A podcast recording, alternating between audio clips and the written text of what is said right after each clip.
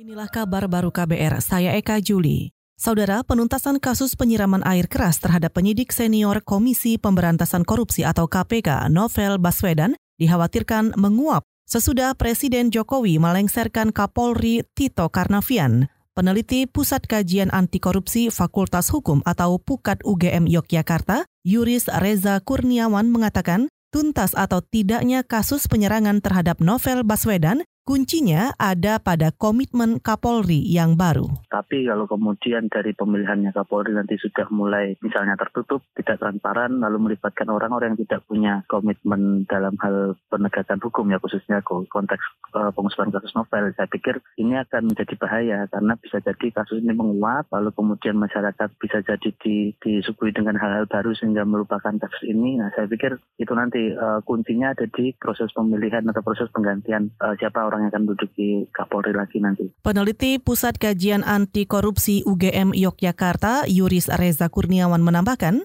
selain kasus penyiraman air keras terhadap Novel Baswedan, masyarakat juga perlu mendorong Polri mengungkap kasus buku merah. Sebab selama ini buku merah dicurigai menjadi salah satu motif penyerangan terhadap Novel Baswedan. Menurut Yuris, ada keterkaitan dari segi waktu, antara dugaan perobekan barang bukti buku merah dengan penyiraman air keras terhadap novel Baswedan. Sementara itu, aktivis hak asasi manusia mengkritik Presiden Joko Widodo apabila sampai memilih bekas Kapolri Tito Karnavian menjadi menteri. Direktur Eksekutif Amnesty Internasional Indonesia Usman Hamid mengatakan, para menteri di Kabinet Kerja Jilid 2 harus punya rekam jejak yang baik. Usman Hamid mengaku Tito Karnavian punya rekam jejak buruk terkait kasus perobekan barang bukti buku merah. Dapat meminta pandangan, saran, dan masukan dari lembaga-lembaga independen negara. Misalnya Komisi Kepolisian Nasional, Komisi Nasional Hak Asasi Manusia, bahkan yang juga tidak kalah pentingnya dan mungkin yang terpenting adalah Komisi Pemberantasan Korupsi. Jadi daftar nama-nama yang akan ditimbang sebagai menteri itu perlu melalui satu proses penilaian oleh lembaga-lembaga tersebut gitu. Tentu saja bisa dilakukan dengan cara yang tertutup gitu, hanya untuk kepentingan presiden. Direktur Eksekutif Amnesty Internasional Indonesia Usman Hamid menambahkan,